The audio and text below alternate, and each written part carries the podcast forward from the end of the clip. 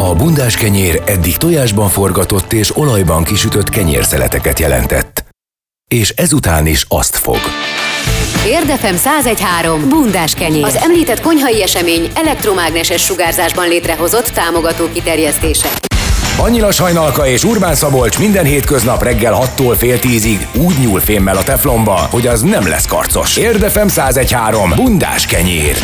Érden jó és nem lesz karc. Geszti Karolinát, a Mancsvár kutyasuli kutyanevelési tanácsadóját hívtuk annak apropóján, hogy hamarosan workshop keretein belül fogja megtanítani a gazdikat például arra, hogy hogyan vigyék étterembe a kutyájukat jó reggelt. Jó reggelt kívánok mindenkinek! Szia Karolina! Azt kell tudnod, hogy én kutyás vagyok, a Rékának szerintem most nem biztos, hogy van Nincs. kutyája. Ne, na, szóval én vagyok a kutyás, a másik két műsorvezető most itt a stúdióban pedig egyáltalán nem kutyás, sőt, a Csabi egy kicsit tart is a kutyáktól, ezért így kicsit felhúzta a szemöldökét, hogy most kutyával étterembe, hogy is hmm. van ez? Na, hogy is van ez pontosan? Mert hogy nyilván, hogyha bemegy egy gazdi az étterembe, és mondjuk oda, oda megy a kutyája olyanokhoz, akik mondjuk nem szeretnének vele barátkozni, és mondjuk ott körbeszaglásza, meg megnézegeti, meg mit, belenyúl a kajájukba, hát nyilván az abszolút, az abszolút nem szerencsés, de hát nyilván ez lenne a cél, hogy egyébként a kutya jó módúan, meg jó, jó illemtanna szerint viselkedjen az étteremben. Hát igen, egy kulthelyen kultúrkutyaként kellene viselkedni. Azért tartom ezeket a workshopokat, mert én is nagyon sokat járok ilyen helyekre, kávézóba hasonló környezetbe, és nagyon nem mindegy, hogy uh, hogyan néznek rám a gazdik, vagy hát, vagyis hát azok a vendégek, akik ugye nem kutyások, és uh, nekem célom az, hogy ezt az életérzést, amivel, amiben én élek, hogy én bárhova elmehetek a kutyámmal, teljesen mindegy, hogy ez milyen közeg, legyen ez mondjuk egy színházi darab, mert arra is egyszer felkértek, oda is el tudtuk menni a kutyámmal, nagyon jól érezte magát, nagyon kultúráltan viselkedett, és valamelyik nap ültem egy ilyen nyitott tetejű sportkocsival a kutyámmal, és akkor azon gondolkoztam, hogy hát ez egy életérzés, az embernek sportkocsija van, de az is egy életérzés, amikor az embernek olyan kutyája van, hogy tényleg minden szituációban viselkedik, és úgy néznek rá, hogy mosolyognak, pláne ha egy ilyen helyen szeretettel várnak, és örülnek, és boldogok. És hogyan lehet ezt elérni, hogy örömmel várjanak és boldogok legyenek? Tehát már ugye mi beszélgettünk sokszor a kutyáimról, ugye akik spánielek, és hát ott egy kicsi probléma van abban, hogy most akkor ki is a falka vezér, tehát el nem tudom képzelni, de el tudom képzelni, mert volt egy ilyen szituáció. Néhány évvel ezelőtt elmentünk a Balatonra, és hát konkrétan nem tudtam elfogyasztani az ételemet, mert hogy a kutyáim azok így fölle rohangáltak, illetve mindenféle jó dolgot csináltak, majd a végén kicsit már lenyugodtak, meg befeküdtek az asztal alá, de nem nagyon lehetett tőlük úgy semmit sem csinálni. Tehát ezt hogy tudom megtanítani neki, hogy szépen viselkedjen már? Minden gyakorlás kérdés erre egy jó helyszínt a Gellért hegyen ez, a, ez az étterem, ez a kutyabarát étterem, és ugye hát a kommunikáció múlik. Én az oktatások során is az első dolog, amit tisztázni szoktam a gazdákkal, az az, hogy hogyan kommunikáljunk a kutyával, mert ugye mi most így is megértjük egymást itt a rádió műsoron keresztül, a hallgatók is értik, amit mondok, mert ahogy régen tanultuk az általános iskolába a kommunikáció tényezői között a kódolás, ugye az a magyar nyelv, az nagyon jól működik köztünk, mert értitek, amit mondok, és ezért nem kell helyszínen ott lennem, és nem kell mutogatnom senkinek. A kutya ugye testbeszéddel kommunikál, de ha mi kialakítunk egy közös nyelvet, akkor gyakorlatilag bármit el lehet magyarázni a kutyának, akár azt is, hogy egy ilyen uh, helyszínen hogyan lehet viselkedni, és hogyha ő ugye jól viselkedik természetesen, rengeteg dicsérettel jutalmazza a gazda, hiszen az mindig hatásosabb, mint bármifokú büntetés, de ehhez felkészültnek kell lenni, és olyan helyen gyakorolni, mielőtt bemennék egy nagyobb tömegbe, vagy idegen helyre, pont azért, mert mondjuk a Balatonon járok, és akkor beülök egy, egy finom ebédre vagy vacsorára, akkor előtte gyakorlok, és olyan helyet keresek, ahol ugye ezt hát kultiválják és segítenek. Úgyhogy erre ad nekünk lehetőséget ez a workshop, mert találtam egy ilyen éttermet, megkerestek, fel, felkerestek, felkértek, és úgy voltam, hogy ez egy nagyszerű dolog, úgyhogy erre tanítanám ott a gazdákat, hogy hogyan kommunikáljanak úgy a kutyussal, hogy akár egy ilyen helyzetben is úgy viselkedjen szabadon, hogy szófogadó. De egyébként ugye nem csak arról van szó, hogy mondjuk az étteremben jól viselkedjen, tehát beszélhetünk mondjuk egy sétáltatásról is, ami, ami nagyon gyakran látjuk, hogy a kutya sétáltatja egyébként a gazdát. igen, igen, igen, Károly bácsi, ahogy szoktam igen. mondani. Ugye, én, én sem szeretem ezeket a helyzeteket, nekem évek óta pórez nélküli a kutyám, ha csak épp nem kötelező, mert olyan helyen vagyunk, és akkor így azért rá kéne rakni.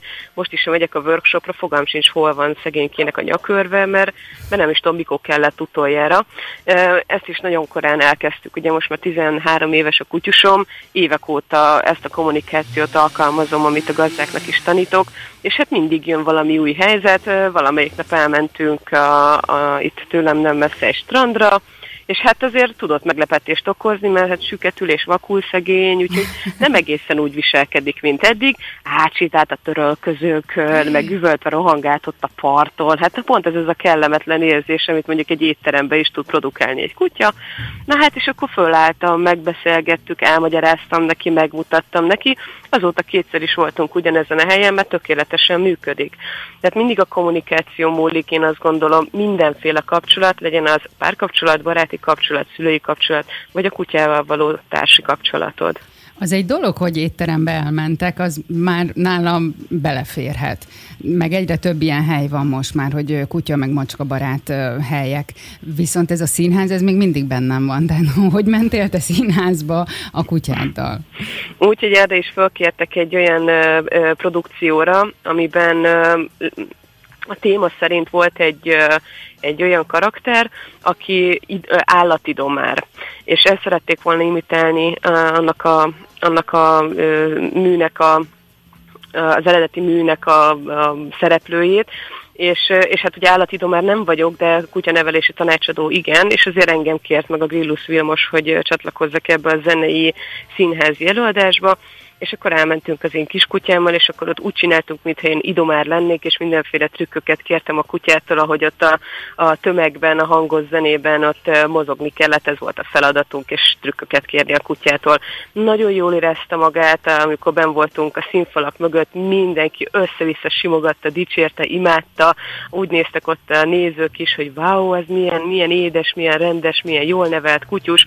Én ezt, ezt, ezt nevezem annak az életérzésnek, amit így érdemes meg adni a minden gazdának, minden kutyának, mert nagyon jól érezte magát a kutyuson, mert ehhez volt szocializáló, hogy ilyen szoktunk ennek egy éttermi szocializáció gyakorlatilag, amit most itt csinálni fogunk négy alkalommal. Valami történt itt a vonallal, nem tudom, hogy változtat-el a helyszínt, vagy sem. Nem. Ez így most így világos, csak én akkor félreértettem, amit először mondtál, mert azt hittem, hogy a nézőtőérem foglaltál helyet a kutyusodon, és mindenki nagyon szerette, hogy ott van a kutyus. Ezt nem tudtam volna úgy elképzelni. Mondjuk a szabadtéri rendezvényeken talán beleférhet, de szerinted így van erre esély, hogy mondjuk egyszer csak egy ilyen helyre is, vagy moziba, vagy ilyen helyekre, zárt helyekre így be lehet menni majd a kis házi állatunkkal? Hát nagyon remélem, pont azért dolgozom, hogy ezt az úgynevezett kutyás kollektív tudatot emeljük, mert hogyha egyre több jól viselkedő kutya van, talán egyszer szükség lesz majd ugye egy ilyen, egy ilyen jogosítványra, hogy úgy mondjam, egy kutya jogosítványra, valamilyen engedélyhez lenne kötött az, hogy az ember szabadon tudja engedni a kutyáját, mert ugye hát, hogy te is kutyás vagy, meg a hallgatók közül is sokan szeretjük a jól nevelt kutyákat elengedni olyan területen, ahol tudom, hogy jót rohangál, ahol boldog, ahol nem, ugye nem bánt senkit, jól szocializált, behívható, stb. Jó egy ilyen életet élni, és amikor nem csak egy zöldövezetbe tudom őt kivinni, hanem magammal tudom őt vinni mindenhova, az egy nagyszerű érzés, nem kell babysittert kérni, ha már nagyon öreg, hanem egyszerűen beteszem a kocsiba, elviszem magammal, és akkor ott van szépen a lábamnál, meg, meg látom, hogy falatokat kapogat innen-onnan, amonnan engedéllyel természetesen, és hát nem viselkedik úgy, ahogy említetted, mert ez a workshop is persze azért is jött létre, mert az étteremben nagyon-nagyon sok olyan, hát ilyen rosszalkodás, rossz csontkodás történt, amiket szeretnének ők is kiküszöbölni, ezért kerestek meg, mert volt, hogy lelopta a másik kutya a kenyeret az asztalról, meg, meg bement a konyába, nem találták, szóval azért igen, ilyeneket azért így átbeszélek én is a kutyámmal, hogy mi az, amit lehet, és mi az, amit nem lehet. Karolina, abba segíts még nekünk kérlek, hogy a műsorvezető társunk most Csabi ezen a héten, ő egy kicsit fél a kutyáktól, és a múltkor volt egy ilyen szituáció, amikor az egyik kollégánk behozta a bígőjét, és amikor a Csabi meglátta, akkor, akkor bocsáss meg, de így a kommunikációdat, meg a testbeszédet elmondom, konkrétan vigyázba vágta magát, és így állt egy helyben, és így, és így jelezte a kutyának, hogy na, menjél innen, mert én nem szeretlek, hogy ez, ez, ez helyes testtartás, vagy hogyha valaki nem szereti feltétlenül a kutyákat, és mondjuk ő tényleg olyan típus, mert hát nyilván ezt is el kell fogadnunk, hogy vannak emberek, akik mondjuk gyerekkoruk óta történt egy trauma, ami miatt a Csabi esetében például ugye elmesélte nekünk reggel, hogy négy évesen őt megharapta egy kutya, és azóta ő tart az állatoktól. Tehát, hogy, hogy ilyenkor mi lenne a helyes viselkedés azoknak, akik mondjuk, tehát, hogy úgy szeretnék, hogy nem menjen oda hozzájuk a kutya, de azért nem akarják feltétlen felhívni magukra a figyelmet, mert ezzel inkább azt gondolom, hogy felhívod magadra a figyelmet, ha mondjuk vigyázban állsz. Hát természetesen ez így van. Tehát ahogy én nem gondolok a kutyára, hogy ő se fog én rám gondolni, én azt gondolom mondjuk, ha már gondolat, igen, hogy a kutyák nagyon jól tudnak olvasni, nem csak a testbeszédben, de szerintem még a gondolatainkat is képesek. Tehát van, ha, ha, ha kutyás vagy, tudod, hogy néha már csak azt várod, hogy megszólaljon egy-egy ilyen ponton. Hogyha úgy viselkedsz, hogy észre se veszed, csak elsétálsz mellett, akkor ő se fog észrevenni.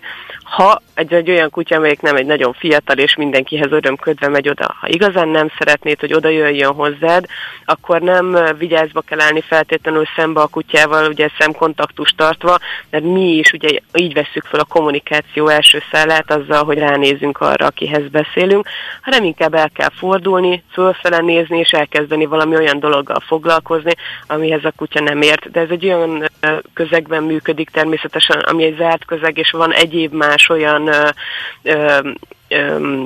dolog, amivel a kutya el tudja foglalni magát ezt az utcán, vagy mondjuk egy ilyen zöld területen uh, nem igazán működik, mert ott az hirtelen nem tudsz mint egy képet megnézni a falon, ott egészen más testtartás szükséges.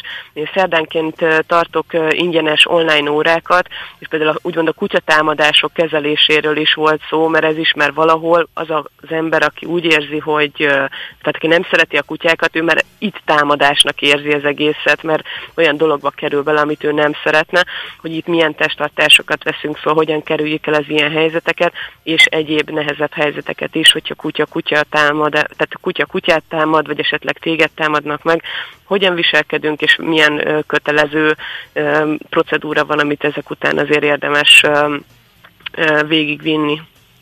Mondtad, hogy az a célod, hogy ugye az embereknek a tudatát picit megnyist, hogy picit barátságosabban legyenek a kutyákkal, és elfogadóbbak, igaz?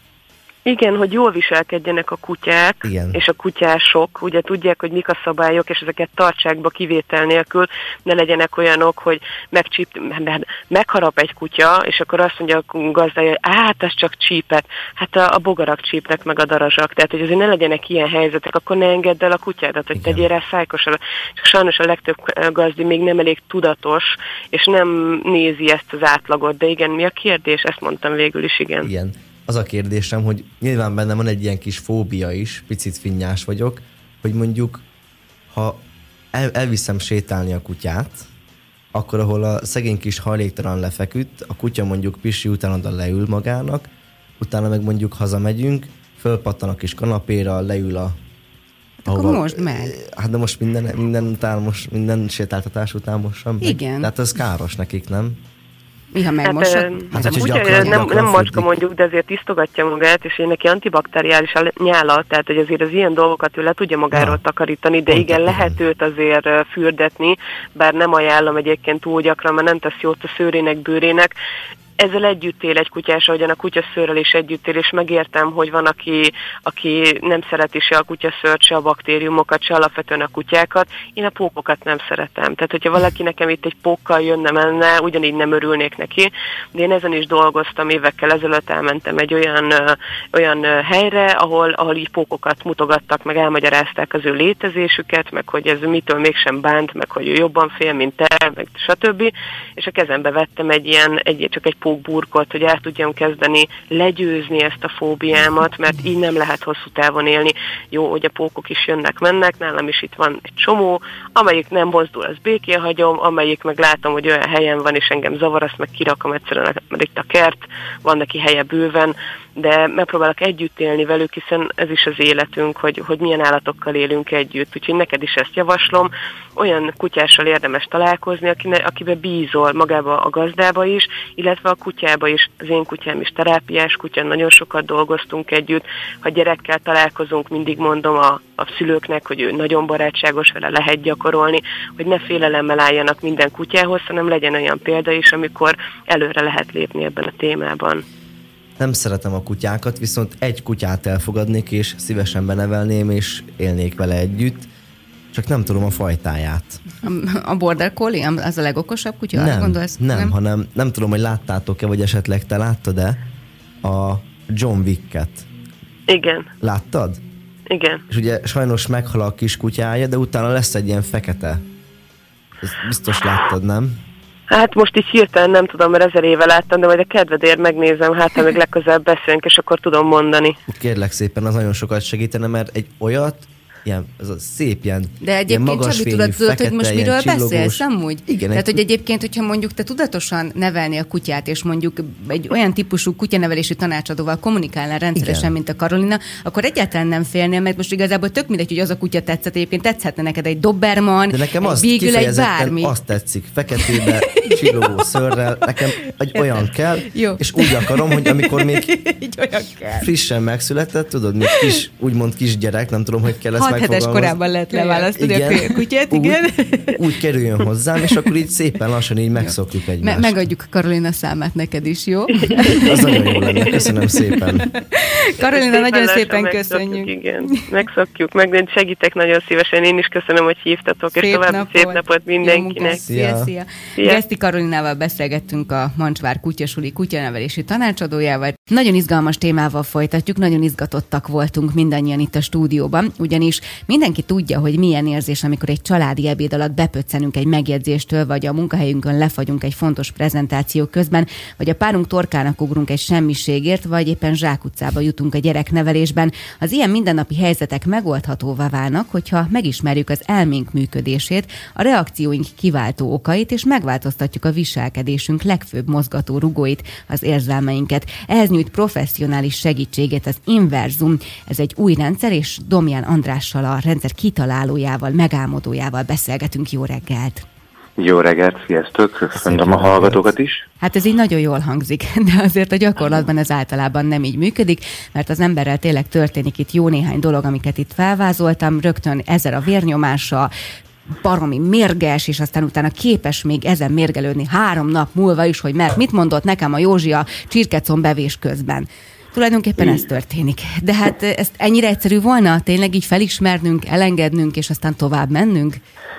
Nem is az elengedés a lényeg, hanem tulajdonképpen az okozza a problémát, hogy az elménk úgy működik, hogy bár a jelen pillanatban érezzük, érezzük a problémát, a múltunkból meríti ehhez az érzelmet az agy.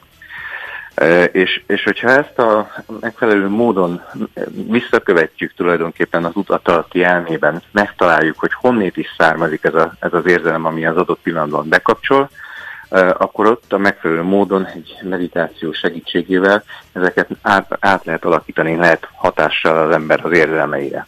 És erről szólnak tulajdonképpen az inverzum, ehhez e, alakítottuk ki ezt a rendszert. Ez itt tök jól hangzik, ezt el tudom képzelni mondjuk egy terapeuta segítségével, de online módon hogyan lehet ezt megvalósítani? E, igen, ebben az a különlegesebben az online megoldásban, hogy a Ugye a terapeuta segítségével az történik, hogy az ember egyrészt kap egyfajta információt, ami megértést ad arra, hogy hogyan is működik ez a helyzet, miért történnek ezek a dolgok, és kap egy, egy más szemszöget, egy más rálátást. Ebben a rendszerben ezt úgy oldottuk meg, hogy tematikus oktató videókon keresztül és elmesélem azokat a tapasztalatokat, amik az adott problémakörökhöz, az adott területekhez tartoznak, én ugye 9 éven keresztül hipnózissal dolgoztam, illetve 7 éven keresztül az agykontroll nevű meditációs módszert oktattam, és ezeket a tapasztalatokat dolgoztuk fel a rendszerben. A, a másik része viszont a gyakorlati megoldás, az egy meditációs rendszer, amit létrehoztunk, ami attól tér el a szokványos ilyen online meditációktól, amit az ember hallgathat, hogy ezek interaktívak. Mi azt jelenti, hogy kérdésekre is válaszol menet közben egy-egy egyszerű új mozdulattal a felhasználó, és ezáltal azzal a dolgok, azokkal a dolgokkal tud foglalkozni az ember a meditáció közben, ami a saját elméjéből előjön információként. Ezért egy, tulajdonképpen ezt váltja ki a, a, a rendszer az online, és e, e, az online működés, és ezért tud önállóan foglalkozni az illető, anélkül, hogy egy másik személy ott lenne vele. De hogy képzeljük ezt el? Tehát mondjuk én például tegnap meditáltam. Én azt gondolom, uh-huh. hogy viszonylag gyakran gyakorlom ezt a történetet, de például most az elmúlt két hónapban valamiért nem volt erre, erre így lehetőségem, és úgy körülbelül harmadik alkalommal jött össze, amikor úgy tényleg úgy el tudtam csendesedni, tudtam magamra figyelni, tudtam befelé figyelni, ezzel csak azt akarom mondani, hogy egyfajta előképzettséget mégiscsak igényel ez az inverzum módszer is, mert hát nagyon sokan nem tudnak meditálni, vagy nem képesek arra, hogy meditáljanak, mert tényleg cikáznak a gondolatok, jön minden, ugat a kutya, megy az autó, üvölt a gyerek, ja Istenem, becsuktam az ajtót, elzártam a gázt, tehát hogy nem tudjuk kikapcsolni alapvetően az agyunkat. Igen, természetesen a, a körülmények megteremtése az nyilván az valamennyire feltétlenül feltétel, tehát természetesen kell az, hogy az ember mondjuk le tudjon ülni egy kanapére, vagy kicsit megkérje a párját, hogy addig foglalja el a gyerekeket, és addig be, becsukja a szobátban az ajtót, tehát ezt, ezt nyilvánvalóan ezt mindenkinek egyéninek kell megtennie, de a, a meditációban azt tud nagyon nagy könnyebbséget tenni, és azért tud könnyű lenni bárki számára, mert alapvetően mindenki képes erre az ellazult állapotra, csak nem vagyunk hozzászokva. Viszont, hogyha van egy irányítás, ami tulajdonképpen, ahol tulajdonképpen csak annyit kell csinálni, hogy hallgatom azt a hangot, ami éppen szól mondjuk a fülhallgatóban, és az az irányítás eh, az én személyemhez alakul, az én személyemhez, az én eh, tempómhoz eh, alakul, akkor, akkor nagyon jól lehet, nagyon jól bele lehet menni, annak is, aki még eddig nem használt meditációt, mert itt tulajdonképpen az lenne a különbség ember és ember között, hogy mondjuk ki milyen tempóban tud ellazulni. Itt ebben a rendszerben ki lehet választani mondjuk, hogy éppen gyorsabban, lassabban, vagy, vagy kifejezetten akár önállóan is el tudok lazulni, akkor, akkor ennek megfelelő hanganyagot választ ki a rendszer. Uh-huh. Itt ugyanis nem egy összefüggő hanganyag van, hanem apró kis részletekből rakja össze a számítógépes online program a meditációt. Wow, Azért ez nagyon furcsa, hogy azért eddig, hogyha valaki volt annyira tudatos, hogy mondjuk szeretett volna önmagával, illetve a belsőjével, meg a lelkével foglalkozni, akkor ahhoz is nagyon sok idő kellett, hogy mondjuk elmenjen egy terapeutához, vagy egy olyan segítő emberhez, aki ebben segít neki. Most tulajdonképpen ez az online rendszer azért is jött létre, úgy értem, tehát igazából arra vagyok kíváncsi, hogy ez lesz a jövő, hogy egyébként így otthon önsegítsük saját magunkat ilyen rendszerek segítségével, és már mondjuk ne kelljen elmenni valahova, vagy hát mondjuk ugye nyilván itt a koronavírus alatt azért elég nehéz volt volt mondjuk bárhova is elmenni. Hát igen, itt, itt nekünk nyilván az volt a célunk ezzel, hogy az emberek akár azonnal hozzáférjenek olyan jellegű információhoz és segítséghez, amivel önmaguk is tudnak foglalkozni a lelki világukkal. Természetesen azt gondolom, hogy az emberi kapcsolatokat ez soha nem fogja kiváltani, viszont át tudja alakítani. Tehát, hogyha hogy gondolj bele, hogyha az emberek nagyon sokszor a baráti kapcsolataikon, családi kapcsolataikon keresztül is állandóan a problémáikról beszélnek állandóan arról az a téma egy családi ebédnél, hogy kinek mi a gondja, kinek mi a nehézsége. És képzeld el, hogy milyen lenne úgy a világ, hogyha mondjuk az emberek nem a problémáikon keresztül kapcsolódnának egymáshoz, hanem mondjuk tegyük fel a szereteten keresztül, vagy a, a pozitív élményeiken keresztül, mert a problémáikat képessé válnak önállóan is megoldani. Tulajdonképpen valami ilyesmi cél lebegett a szemünk előtt, amikor neki láttunk létrehozni ezt a rendszert. Ez egy több hetes kurzus, vagy ezt hogyan kell elképzelnünk a, a gyakorlatban? Ezt a gyakorlatban mindenki a saját időbeosztásához tudja alakítani.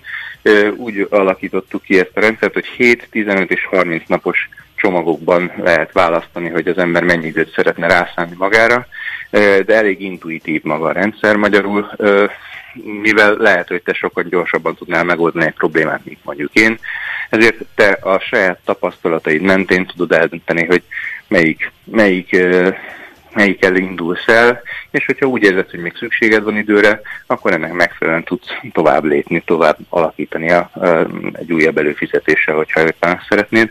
De alapvetően ez a fajta eljárás, amit beleépítettünk a rendszerbe, ez egy e, gyors eljárási módszer, amiben pont az lenne a lényeg, hogy e, elérjünk egy változást a tudatalatti elmében, és utána ezt meg tud figyelni. lehet, hogy amikor mondjuk egy meditáció során egy részét már meg tudtad oldani a problémának, amit abból érzel, hogy hú, most már kellemesebben érzem magam ebben a szituációban, de mondjuk még nem az igazi. És akkor, akkor ennek megfelelően kapsz arra is instrukciókat, hogy hogyan tovább lépni. És akkor mindenki a saját időbeosztásának és a témájának megfelelően tud haladni a, a megoldással. Az érzelemmenedzsment nevet viselő, ugye ez az inverzum.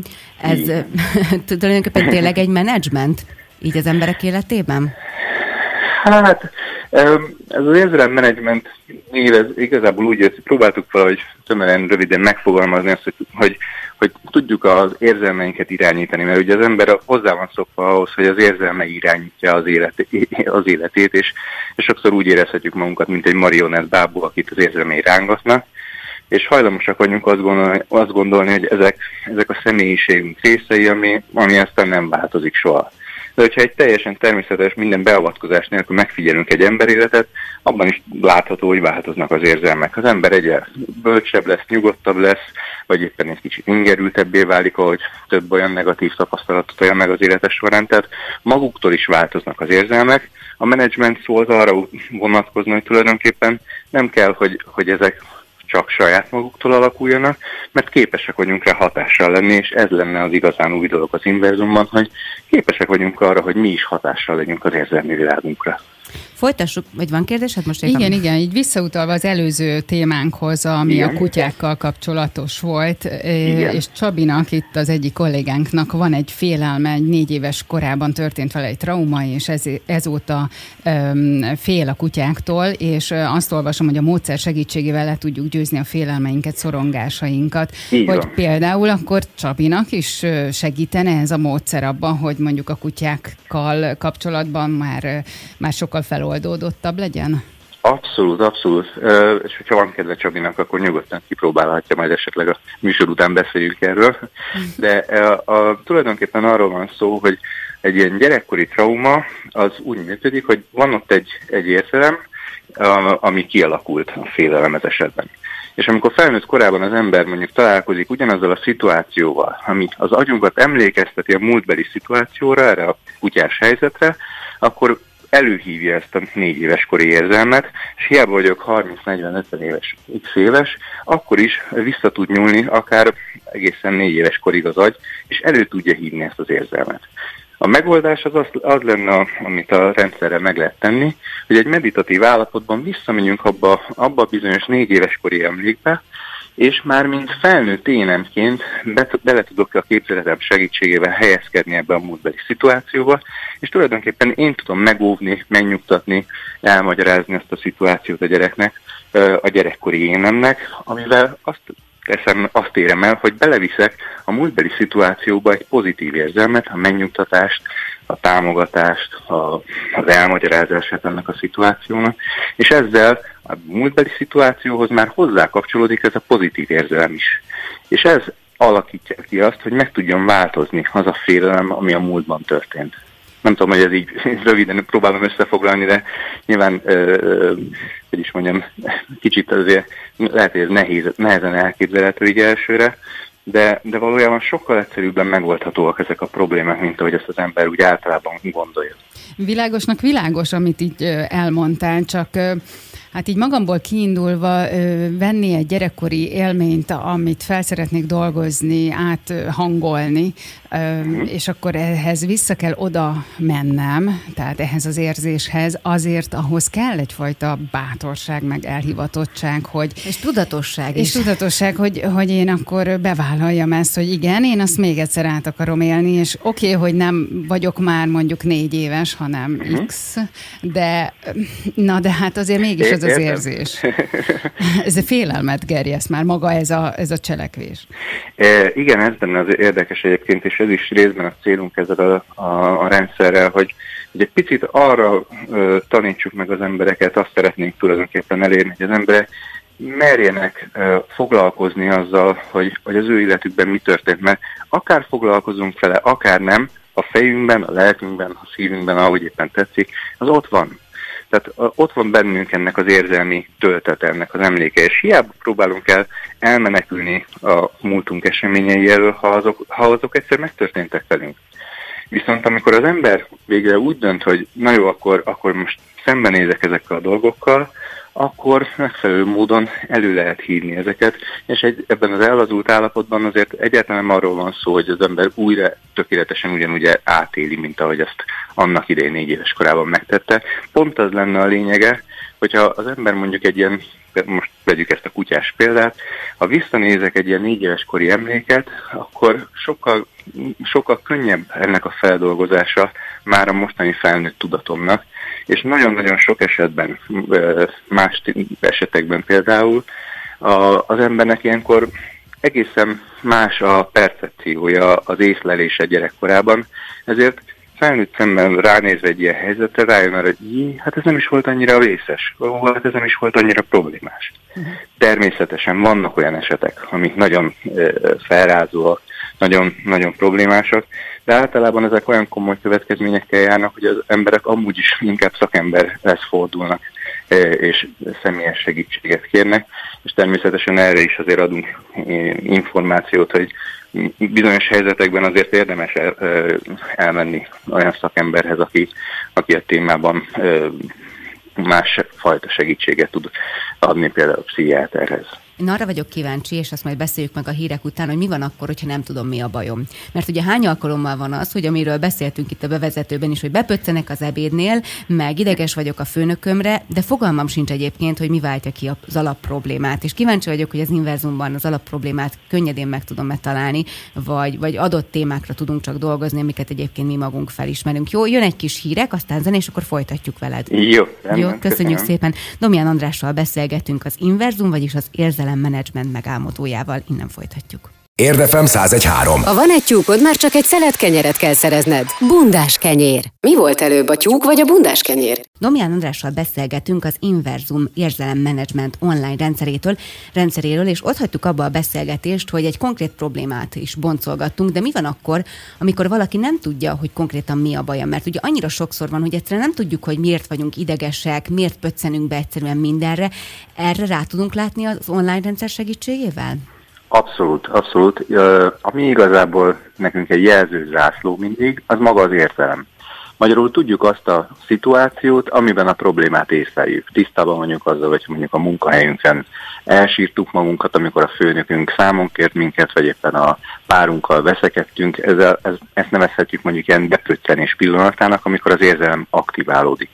Ez a kiindulási pont, ezt kell nekünk tulajdonképpen tudni, ugyanis a, ennek a gyökerét szeretnénk a, a vezetett meditációk segítségével visszakeresni, és, és tulajdonképpen ennek a, az eljárásnak az lenne a lényege, hogy rákérdezünk, de nem a tudatos elmére kérdezünk rá, hanem a tudat alatti elmére kérdezzük, tudat alatti elmétől kérdezzük meg, hogy na ez az érzelem hol, hol alakult ki, amit éppen most ebben a pillanatban észlelek.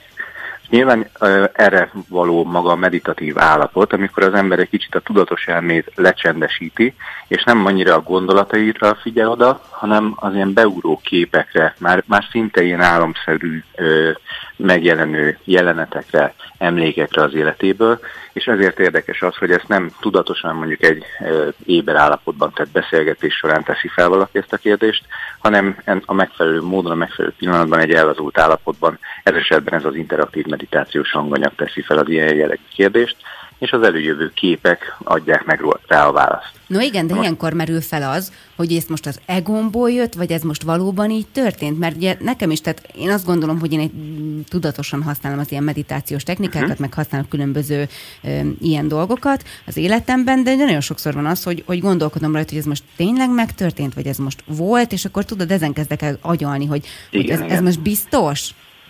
Igen, ez abszolút tipikus, ö, ilyen, ö, hogy is mondjam, tudatosan ilyenkor az ember dilemmázik, hogy vajon, vajon tényleg ez volt a, a, a, probléma gyökere, de hál' Istennek nagyon egyértelmű a visszajelzés, és a visszajelzésre tudunk támaszkodni.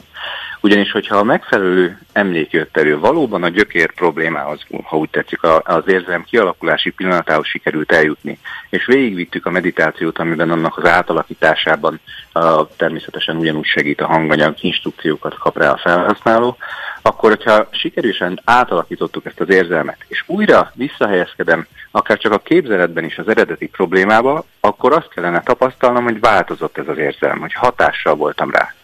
Ha az egomból jött, hogyha a tudatos gondolkodásomból származott az, hogy á, biztos volt ez az iskolai jelenet általános iskolás koromban, ami engem akkor nagyon megviselt, biztos ennek is az az oka, és abban annak egyébként tudat alatt semmi kapcsolódása nem volt ez a, a mostani szituációhoz, akkor azt fogom érteni, hogy nem változott az érzelem. Uh-huh. Magyarul, a, magyarul a, a sikerélmény tulajdonképpen az, ami meg visszaigazolja, hogy jó témával foglalkoztunk, hogy valóban ez, ennek a két dolognak tudat alatt volt egymáshoz köze. Szabad tegeződni? Persze, hogy nem, köszönöm szépen. Képzeld el engem százszázalékosan teljes mértékben érdekel ez a dolog. Na, csodálatos. És arra lennék kíváncsi, hogy, hogy honnan tudod, illetve az adott illető honnan tudja, hogy ez sikeres. Nem úgy értem a módszerre, ha sikeres, hanem hogy tényleg sikerült, és hogy sokkal jobb lett tőle a lelki állapota. Ezt érted, nem? Hát abszolút, tulajdonképpen onnan tudod, hogy jobban érzed magad. Tehát, hogy, hogy konkrétan itt a, mondhatni a puding próbálja az evés alapon, hogyha mondjuk teszem azt, van egy párkapcsolati problémám, amiben állandóan összeveszünk a párommal, mert tudom van egy, egy, egy, a gyerekek fölött mindig összeveszünk, és mindig ugyanez a szituáció játszódik le, akkor fogom magam az inverzum rendszerével, megnézem, hogy mi lehetett, mi lehetett ennek az oka, mi ez a probléma, miért viselkedek így a párommal, a meditációban átalakítom ezt az érzelmet, és amikor következőleg egy ugyanilyen szituációba kerülök a párommal, akkor az lenne az eredmény, és ez lenne az elvárt siker, hogy, hogy nem ugyanúgy reagálok, mint ahogy eddig reagáltam volna, mert már nem kapcsol be az az érzelem, ami a reakciót kiváltotta. Tehát tudok nyugodt maradni egy olyan szituációban, amiben mondjuk eddig elkezdtem volna üvöltözni a másikkal, vagy, vagy elkezdtem volna zokogni a másiknak a, a viselkedésén. Uh-huh. Ez lenne maga a visszajelzés. Tehát a saját tapasztalásból tudom megmondani, hogy sikeres volt az eljárás. És mi van abban az esetben, amikor túl traumatikus egy élmény? Tehát amit a Réka az előbb mondott, hogy, hogy tehát ugye uh-huh. az tényleg egy nagyfokú tudatosság, bátorság legfőképpen kell, hogy mondjuk ránézzek valamire. Tehát, hogy azért itt ugye nagyon sokszor tudjuk, hogy minden, vagy hát legtöbb dolog ugye gyerekkorunkból, de azért, hogyha nagyon belemegyünk, akkor van olyan is mondjuk előző életből fakad. Igen, ezek érdekes dolgok. Ugye természetesen nem mindenki hisz mondjuk az előző életekbe, de nagyon sokszor fordul elő az, hogy az ember valaminek a gyökerét keresve olyan jelenetet lát maga előtt, ami nem ismerős az életéből. Van, aki ezt egy, az agynak egy ilyen hogy is mondjam, egy ilyen szimbolikus válaszaként éli ezt, meg van, aki valóban előző életélményként éli meg, ezt mindenki maga dönti el, hogy a hitvilágában mi fér bele. Mi igyekeztünk úgy kialakítani a rendszert, hogy minden szituációra fel legyen készülve. Vannak olyan jellegű hanganyagok, ami kifejezetten traumatikusabb élménnyel foglalkozik, ami kifejezetten abban segít, hogy ezeket hogyan lehet jól feldolgozni. Tehát ez egy másfajta útvonalon vezet végig értelemszerűen egy kicsit a vezetett meditáció, és, és arra is fel vagyunk készülve, hogyha esetleg olyan élmény jön elő, ami nem ismerős ebből az életből, akkor azzal hogyan lehet dolgozni. Tehát minden szituációra felkészítettük a rendszert, és természetesen szükség esetén adunk asszisztanciát, tehát hogyha e-mailen keresztül valaki jelzi, hogy valamire elakadt nehézsége van, akkor nagyon szívesen segítünk megoldani. Most ugye itt azt tudom mondani, hogy egy éven működik a rendszer, és még soha nem fordult olyan elő ez alatt az egy év alatt, pedig volt jó pár használunk, hogy valakinek túlságosan nehéz lett volna egy élmény, hogy nem tudott volna feldolgozni, hogy ezzel reklamált volna, hogy hogy úristen olyan dolog jött elő, amit nem tudott feldolgozni. És ez egy nagyon-nagyon fontos alappillére egyébként ennek az eljárásnak is, hogy a tudatalatti elme alapvetően magát az embert védi, ezért olyan információt nem enged előjönni, ami neki az feldolgozhatatlan lenne. Tehát, hogy ez itt, itt egy ilyen biztonsági önvédelmi rendszer működik, ami miatt ez egyáltalán nem veszélyes, ami miatt egészen az egyszerűen ö, olyan inform, információk nem tudnak előjönni, ami feldolgozhatatlan lenne.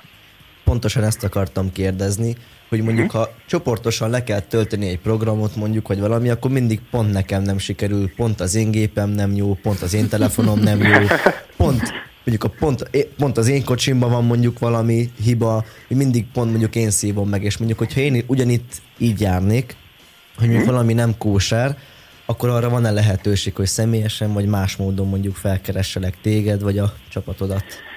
Én most, uh, engem most annyira lefoglal ez a munka, hogy, hogy én most személyesen nem tudok egyszerűen foglalkozni emberekkel, nem, nagyon nagy a munka ezzel a rendszerrel, és nagyon sok napi tevékenységem zajlik vele. Lehet, hogy a jövőben változni fog, de arra természetesen van lehetőség, hogy segítségnyújtás e-mailen keresztül bármikor meg tudunk adni, az esetben többségében pedig hogyha szakmai a kérdés, vagy olyan jellegű a kérdés, akkor én válaszolok az e-mailekre, úgyhogy személyesen ilyen módon hozzám lehet eljutni. Illetve folyamatosan végzünk olyan tevékenységet is a Facebook oldalunkon keresztül, amivel igyekszünk több és több és több információt adni mindig az embereknek abban, hogy hogyan tudnak önmagukkal dolgozni, de alapvető célja lenne egyébként a rendszernek az, hogy az emberek megtanuljanak önmaguk is megoldani problémákat, mert szeretnénk egy kicsit hát hogy is mondjam, szeretnénk, hogyha az emberek elkezdenék látni azt, hogy lehet felelősséget vállalni az életükért, és képesek rá. Hm. Úgyhogy én, neked is azt javaslom, hogy ha van kedved kipróbálni a rendszert, nagyon szívesen beszéljük meg, odaadjuk, odaadjuk próbáld ki, Pontosan ezt akartam. Pont ezt akartam mondani, hogy én szívem szerint akár még ma, de holnap is már ezt elkezdeném, és biztos, hogy a, biztosan a kedves hallgatók között is akad egy-két olyan ember, aki, akinek ez fölkeltette az érdeklődését, hogy pontosan el tudnád magyarázni, hogy ez, ez hogy működik, hogy hogy kell felkeresni titeket, ezt hogy lehet beállítani, hogy kapjuk Persze. meg, hogy mi a menet ennek, hogy hozzájussunk ehhez, hát hogyha valakinek megtetszett. Hogyha valakinek megtetszett és ki szeretné próbálni a rendszert, akkor ezt minden fizetés nélkül meg tudja tenni, kipróbálja, hogy hogy működik egyáltalán, illetve szeretné kicsit jobban megismerni. Ez az inverzum.eu weboldalra rá kell menni, és ott az ingyenes regisztrációt kell elvégezni. Ezzel már be tud lépni a belső oldalakra, meg tud nézni egy, tulajdonképpen egy útmutató filmet, amiben lépésről lépésre, nagyjából negyedórás filmben elmagyarázom azt, hogy hogyan használja az ember ezt a rendszert, hogyha valami érzelmi problémát szeretne megoldani. Illetve ki is lehet már próbálni azt, hogy milyen ez az interaktív vezetett meditáció, mert ez ugye a, a különlegessége magának a rendszernek, ez egyébként a világon is egyedülálló, tehát tudtam, a, ezen a rendszeren kívül senki más még nem, nem csinált ilyet. Hogyha valaki akarja, akkor ezt már egy ingyenes regisztrációval meg tudja tenni. És hogyha valaki tovább szeretne ezen lépni, és úgy dönt, hogy belevág a programba, programba és elkezdi konkrét megoldásra használni, konkrét problémák megoldására, akkor pedig egy előfizetéssel tudja ezt megtenni, amit nagyon egyszerűen a weboldalon bankkártás fizetéssel tud megtenni, 7, 15 vagy 30 napos csomagok közül lehet választani, tehát nagyjából ez lenne a menete, és onnantól kezdve, hogy a vásárlás megtörtént, onnantól kezdve már hozzáfér minden, minden rajta lévő anyaghoz, minden meditációhoz, és maga tudja beállítani azokat a dolgokat.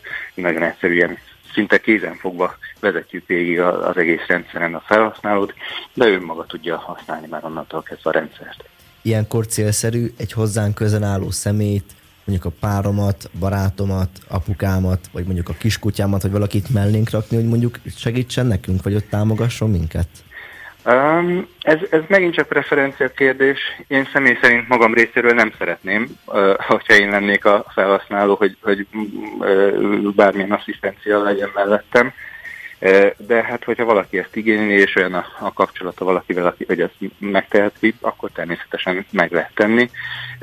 Az a, az a tapasztalat, hogy annyira jól sikerült ez az, az interaktív meditációs hanganyag, és ezért is javaslom, hogy érdemes kipróbálni, hogy olyan az érzés, mintha az ember mellett ott ülnének és fognák a kezét. Tehát nagyon, nagyon, hál' Istennek nagyon jól sikerült ezt megoldani, nagyon jó szakemberekkel sikerült összerakni a, a szoftvert is, úgyhogy azt gondolom, hogy erre nincsen szükség, de ezt mindenki magának hogy eldöntse. Hát nagyon szépen köszönjük, hogy elárultad nekünk ezt a módszert. Még egy kérdés azért bennem maradt, hogy ugye az agykontroll volt az egyik fő kiindulási pont, meg Igen. ugye a te hipnózis múltad. Igen hogy ugye mindegyik módszerről általában azért azt szokták mondani, hogy hát ez a legjobb, meg ez a biztos, meg ezzel mindent lehet kezelni, amit csak szeretnénk. Na most itt egy újabb módszer, amiről megint csak nagyon jókat lehet ugye mondani, hallani. Um, Szóval, hogy az agykontroll után most akkor van mégis tovább, további módszer, ami még jobb, még elérhetőbb? Én azt gondolom, hogy, hogy minden módszernek más és más az előnye, más és más célokra lehet használni. Az agykontroll módszerében én, én azt szerettem és szeretem minden mai napig, hogy, hogy egy, egyrészt az önállóságra tanítja meg az embert, és egy nagyon kézzelfogható, könnyen használható eljárás arra, hogy hogyan tanuljon meg az ember egyáltalán relaxálni, és olyan vizualizációs technikákat ad az embereknek, amikkel önmaguk is tudják, a, tudnak hatással lenni az agyukra. Az inverzum és az agykontroll között az a nagyon nagy különbség, hogy az inverzum az érzelmekkel foglalkozik, és ez a, ez a rész az, az agykontrollban kevés, kevesebb szerepet kapott és, és éppen ezért egy picit más az eljárás. Maga a meditatív állapot, az, az, az, az ugyanaz tulajdonképpen egy ellazult állapotról, tehát az alfa állapotról beszélünk itt is, ott is, ahogy ezt más meditációs technikáknál is ugyanezekről az állapotokról beszélünk, ebben van az átfedés a módszerek között. Én azt gondolom, hogy én nem, nem is mondanám azt, hogy most ez a legjobb, vagy az a legjobb. Van olyan dolog, amire mondjuk az inverzumos meditációt használ, használnék, van olyan dolog, amire természetesen ellazulok magam, és, és elképzelem a céljaimat agykontrollos meditációval.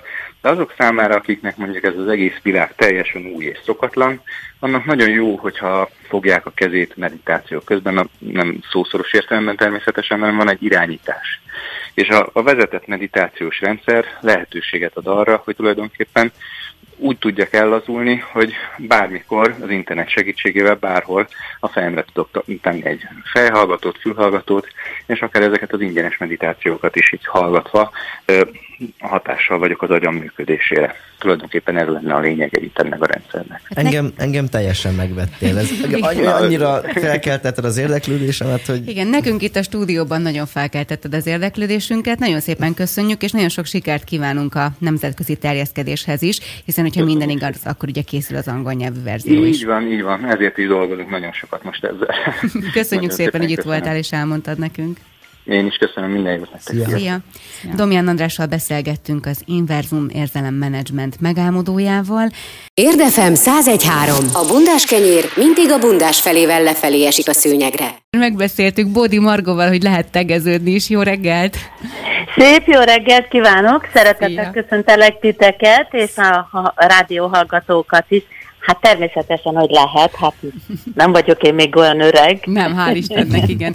Annak apropóján mm. hívtunk fel, igen. hogy a Csabi mesélte nekünk, illetve láttuk a Facebook oldalatokon is, hogy a napokban nagy megtiszteltetésért benneteket, ugyanis egy YouTube alkotói díjat kaptatok, Bódi Guszti és Bódi Margó. Így van. És egy kicsit ugye beszéljünk erről az alkotói díjról, mert hogy utána néztem, és azt írják, hogy ezt az elismerést azok az előadók kaphatják meg, akik különleges és kivételes erőfeszítést tesznek annak érdekében, hogy a YouTube csatornájuk értéket közvetítsen, illetve hogy minél gazdagabb tartalmakat osszon meg, illetve hogy ez egy nagyon színvonalas módon működjön.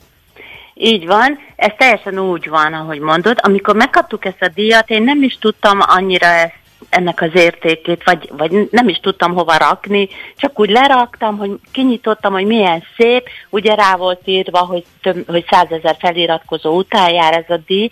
Ez olyan most, mint hogyha CD eladásban mondjuk lenne tripla gyémánt. Wow. Mivel, hogy most nincsen CD eladás, ugye egyáltalán, és azt hiszem 5000 darab az aranylemez. Ezt a díjat ugye adták is nekünk gondolom azért, mert mi 2005 óta folyamatosan készítünk videókat. Ugye régebben a folklór zenét, és ugye visszük, ápoljuk a roma nyelvet is mindegyik dalban, illetve mindegyik videóban. Régebben videókat készítettünk VHS kazettákon, most már C, e, klippeket készítünk. És ugye ezek a régi tartalmak is felkerültek erre a YouTube csatornára, Bódi Guszti YouTube csatorná az a neve amúgy, és ugye nagyon sok éve ott vagyunk, jár ez annak is, mert gondolom, hogy vannak olyanok, akiknek több feliratkozójuk van, mint nekünk, és mégsem kapták meg ezt a díjat. Na most ahhoz, hogy az ember a YouTube-on jó tartalmakat töltsön fel, és tisztességesen működjön, ehhez ugye a közösségi irányelveket követni kell, illetve be kell tartani. Soha nem kaptunk figyelmeztetést, nem volt letiltásunk, és, és ugye hiába csak 100 ezer, most már 128 ezer a feliratkozó, de ezek a tartalmak több millió emberhez jutottak el az évek során, mert ugye csak azok vannak, akik feliratkoztak, mert hát akik hallgatják, meg akik hmm. nézik a videoklipeket, azok sokkal többen vannak, mert meg is osszák. Úgyhogy nagyon büszkék vagyunk rá. Még eleinte nem tudtam, hogy mit jelent, de most már tudom. Ugye nagyon kevés előadónak van ilyen Magyarországon. Mennyire volt egyébként nehéz nektek átállni így az internetes feltöltésekre, hiszen most már azért több évtizede a pályán vagytok, és ahogyan említetted, azért ugye régen még VHS-en, magnókazettán jöttek Bizony. ki ezek az alkotások, hogy mennyire volt nehéz ez a digitalizáció? Ez a, az évek során lassan ö, jött ez nekünk, mert a, ugye a fiaink van a Csabi, a Guszti, aztán közben jöttek az unokák, ők topon vannak az internet világában, és ők segítettek nekünk ezekre áttérni. Ők beszéltek rá minket, hogy legyen Facebook oldalunk például, mert mi nem akartuk, nem tudtuk, hogy, hogy, hogy ez most jó nekünk, vagy nem lesz jó, vagy, vagy rosszat írnak, vagy nem írnak, hogy kitesszük a képeket, ez olyan rossz volt. És akkor így lassan-lassan úgy bele, belejövögettünk, és most már profi szinten töltöm fel a, a videóklippeket, én magam is. Wow. Meg hogyha a Bódi Guszti dalokat úgymond elcsenik, vagy átírják engedély nélkül, feltöltik a, az ő YouTube csatornájukra, akkor én azt nagyon szívesen letiltatom. Igen, azért azt látom, hogy... Ugye mi ezt sose tettük, és ezért is kaptuk szerintem ezt a díjat, mert mi tisztességesen használjuk ezt a YouTube csatornát, én azt gondolom. Igen, és azt látjuk, hogy nagyon aktívak vagytok ugye a közösségi médiában, tehát hogy például a, a Facebookotokon is hát rengeteg feliratkozó van, illetve rengeteg like van, és ott Hú, rendszeresen szoktatok live-ozni is. Igen, rengetegen vagyunk, hát eh, csinálom én is, meg hát a gyerekek is azért mindig szólnak, hogy mama, vagy van olyan, amikor azt mondják, hogy ezt a képet vedd le, mama, mert ez nem jó. Tehát, tehát, tehát azért figyelve vagyok, figyelve vagyok. Ilyen kritikusak? Igen, igen, de hát ilyen jó, jó oldaláról nézni a, nézve a dolgot, igen, figyelnek azért, meg az idősebbik fiú, Augustika, ő, ő, ő még admin is, a, a Youtube-on is, és a Facebook oldalunkon is, és hogyha és Csabika is, a Csabi unokám is, aki azt hiszem most ott ül valahol. Igen, itt vagyok, mamácska. ő is azért nézi, és, és, és hogyha nem jól van kírva, vagy netán véletlenül helytelenül, akkor ők azt gyorsan kijavítják, úgyhogy figyelve vagyok. Igen, igen, igen. Visszatérve erre a YouTube alkotói díjra, ez tényleg csak azoknak jár amúgy, mert utána olvastam, illetve kaptunk egy mellékelt kis levelet is a YouTube-tól, és ugye angol szöveg, de én hál' Hát Istennek igen, azt nem tudtam elolvasni, de Középfokú mindegy. angol nyelvvizsgával rendelkezek, úgyhogy én tökre el tudtam olvasni. És, és mi volt, volt benne? Hát, igazából csak gratulált nekünk a YouTube a, a tényleg tisztességes munkáért, mert nagyon Na, sok, akár Magyarországon is vannak olyan YouTube csatornák, 4-500 ezer feliratkozóval, de ennek zömébe igazából csak olyan videókat töltöttek föl, amik úgymond másoktól loptak. Értitek? Uh-huh. És, és ugye nagyon sok videó, videó lett figyelmeztetve, letiltva, törölve, stb. stb. Ők ezért nem kapták meg, úgyhogy nem önfényezés, de tényleg igen, és én azt gondolom, hogy, hogy azok, akik figyelik a, a YouTube csatornákat, vagy a feltöltéseket, azok figyelembe vették azt is, hogy ugye itt mi visszük, ápoljuk, őrizzük a nyelvünket, a hagyományunkat, tehát a roma nyelvet, a kultúrát. Ugye lehet látni, hogy a régebbi videókban, meg hát a, mai videókban is, hogy roma lányok, roma ruhák, roma táncok, akkor ugye mindig megpróbálunk egy-egy dalba roma szöveget bevinni a közepébe. Tehát lehet, hogy ezt is figyelte valaki, nem tudom. Tehát, hogy, hogy tényleg ez a, én, a, én azt mondom, hogy ez a YouTube csatorna nem magamat vagy a guszit fényezve, hanem maga a YouTube csatornát, tényleg megérdemelte ezt a díjat. Hát szeretettel és szívből gratulálunk hozzá. Egyébként mit Nagyon szóltok hozzá, hogy a Csabika ilyen rádiós babérokra tör így mostanában? Hát egy kicsit elgondolkodtunk rajta, mert ugye ő az építészet felé őt arra felé irányítottuk, mert mi azt gondoljuk, meg gondoltuk is, hogy Csabika egy nagyon okos, értelmes, taprás egy gyerek, de hogyha ő úgy gondolja, hogy ő ezt szeretné csinálni, és ebbe érzi jól magát, hát akkor csinálja ezt. Annak semmi értelme nincsen, hogy választunk egy pályát, és abban nem érezzük jól magunkat. Akkor az egész életünk olyan nem lesz annyira vidám. Akkor Ugye ilyen mi... demokratikus családként működtök? Igen, mi úgy, ahogy neki jó. Ha ő ebbe érzi jól magát, ezt szeretné csinálni, ebbe tud kiteljesülni, hát mi támogatjuk. Legyen boldog, az a lényeg, neki legyen jó. Ha neki jó, akkor nekünk is jó lesz. Figyelmeztetés, önpromózás fog most jönni. Jövő hét hétfőn fogom leforgatni amúgy a videóklippemet, amit 20 a Na, és arra szeretnék. is vagyunk. Igen, köszönöm arra szépen, is. mama. 20 a környékén tervezem feltölteni. Képzeljétek el, ezt mondom nektek, igen. Na tessék. Ugye, hogy fejlesztük tovább a YouTube csatornát. Igen, igen. Még annyit mondja el nekünk, mert a Csabika azt mondta itt az előbb nekünk, hogy on, úgy nem jöhet el tőled, hogyha nem lakik jól. hogy olyan mama vagy, aki mindig jól megtömi az unokákat? Hát az az igazság, hogy én meg a Guszti miatt már nem is nagyon főznék én ilyen nagyobb, szóval tartalmasabb ételeket. Inkább mennünk egy kis salátát, egy kis csirkét, egy kis limlomot, de mindig azt gondolom, hogy valamelyik gyerek beesik. Na most, hogyha jönnek, akkor itt muszáj enni. Ha már megfőztem, meg kell enni. És én úgy látom, hogy nagyon-nagyon szeretik, a Csabika szereti a leveseimet is, azt mondja, hogy mama, ez a leves milyen tartalmas. Máshol, ha otthon is, vagy étteremben, az egy kicsit olyan nagyon leveses. Igen, maga a lé is ilyen tartalmas és finom. Hát van benne minden, tehát meg, meg, megrakom zöldséggel, hússal, minden. a főzés az nem probléma nálam. A múltkor ettem valami lecsót itt a rádióban, aztán kinevetett, ó, látnád a mamám lecsóját. Hát mondom, bocsi, ezt csak én csináltam. hát mi most még találtunk ki olyat is, hogy már darált húst is teszünk bele. Wow! Akkor lesz egy újabb szakácskönyv várható? Mert azért az első hát, szakácskönyv óriási siker volt. Gondolkodunk rajta, mert a, arra gondoltam, hogy a két szakácskönyvből kiszedni a, a jó recepteket, amik úgy nagyon beváltak, és a, látom a Facebookon, hogy töltik fel, hogy Bodi Marko receptje alapján készült. Ha, amelyik ilyen jó recept, akkor azokhoz tenni mondjuk a fele abból lenne összeválogatva, és akkor a fele meg új receptek. Egy ilyen válogatásszerű, Igen, ilyen egy válogatásszerűt, és meg lehetne csinálni, mert ráadásul meg szeretjük is, és most a karantén alatt a Body Gusti is becsatlakozott, többet volt a konyhába. Még viccesen, viccesen meg is jegyezte az egyik újságnak, hogy jé, nem is tudtam, hogy Margó vízből főzi a leves. Úgyhogy a karantén alatt ő is azért unatkozott, jött, segített nekem, meg ugye együtt voltunk sokat a gyerekekkel, be voltunk ide zárva, úgymond, zárójelbetéve, és Igen. akkor úgy többet kellett főzni, és akkor ő is úgy most már ő is talál ki jó dolgokat, úgyhogy igen, lehet csinál, lehetne csinálni egy szakácskönyvet. Hát akkor sok sikert kívánunk, és nagyon nagy szeretettel gratulálunk még egyszer a YouTube alkotói díjhoz nagyon nektek. szépen köszönjük. Köszönjük szépen, hogy beszélgettünk. Most már nem is izgultam annyira a végére. Na, ugye, na, ugye. Hát, ha még fogsz enni egy kis lecsó. Úgy legyen.